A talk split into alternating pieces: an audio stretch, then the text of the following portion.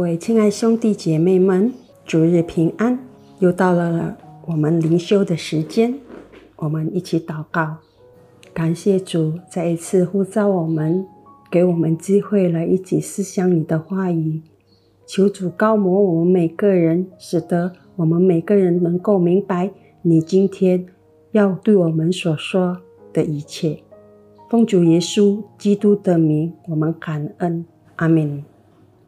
今天的主题是盲目刚硬的心。经文来自《列王记上》第十三章。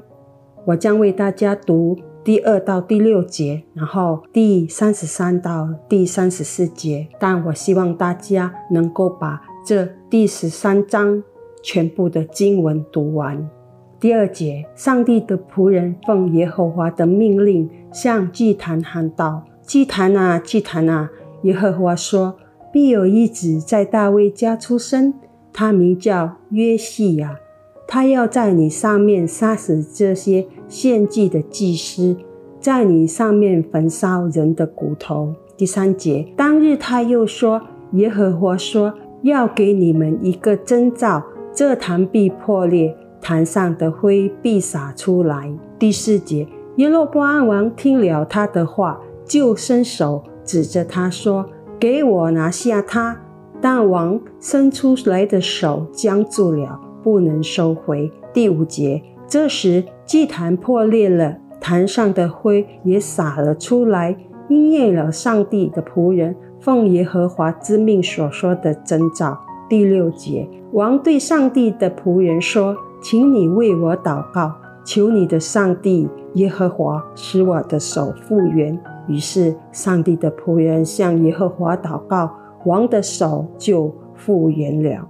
第三十三到第三十四节，这事以后，耶罗波安王没有改邪归正，他任命各种人做秋坛的祭司，不管谁想做祭司，他都封立他们。这罪使耶罗波安家走向没落，最终彻底灭亡。今天的经文呢，讲述了耶和华从犹大差遣了一位年轻的先知到波特利，宣讲神对耶罗波安王违背道的审判的预言。首先，当先知来到祭坛的时候呢，这个耶罗波安王正站在祭坛上焚烧香祭物。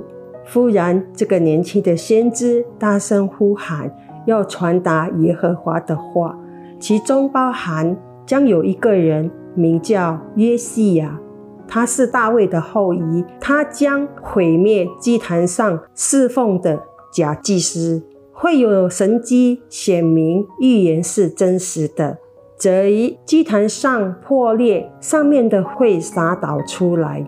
可惜的是。耶罗波安王不相信这个年轻的先知，甚至想要捉住他。接下来呢，有几件事情本应该让耶罗波安王打开他的心界和心灵，因为这个年轻的先知确实是神的使者，他所说的话确实是会发生的，那就是以坛被打破、挥倒出来，正如预言。所讲的，呃，年轻的先知为耶罗波安的要求而祷告，使他的手复原。三，当这个年轻的先知接受了一这个老先知的邀请去他家吃喝的时候，这个老先知告诉这位年轻的先知，说是天使要他请他去家吃饭的。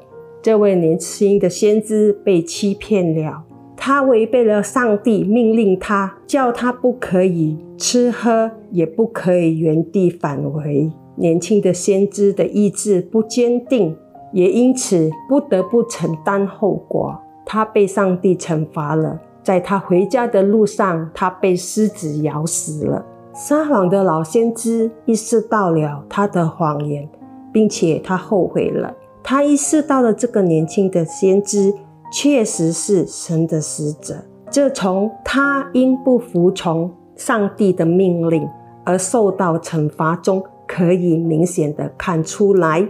从以上三点呢，使这个老先知确定、确信，年轻的先知确实是耶和华的使者，所预言的一定会实现。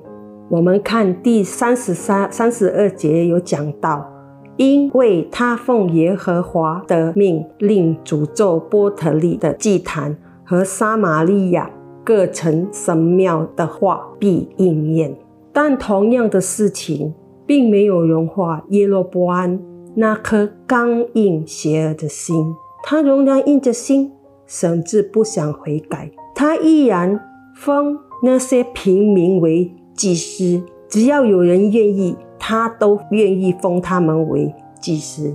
耶罗波安的心刚硬，麻木了他的心。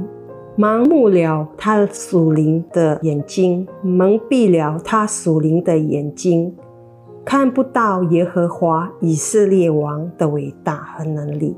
最终呢，耶罗波安王全家人必须受到耶和华的审判，将他们从地上消灭掉。兄弟姐妹们，今天上帝有没有借着你的朋友、家人？神的仆人等其他人给你警告或责备呢？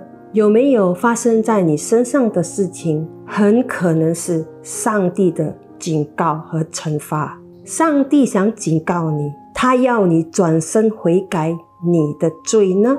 有的话，不要硬着心，在还没有更大的罪，在还没有更大的惩罚到临之前，请即刻悔改。让我们祷告，主耶稣基督，祈求你赦免我们的罪，因在我们归随跟随主的日子里，我们经常厌烦、迷惑、盲目，我们干硬了我们的心，我们不坚信你的话，没有努力执行你的旨意。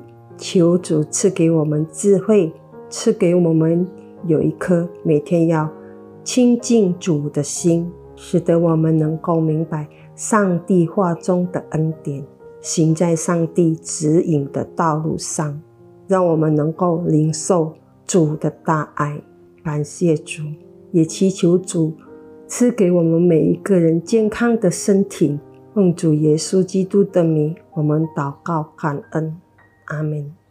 亲爱兄弟姐妹们，我们的灵修到此。谢谢大家，再见。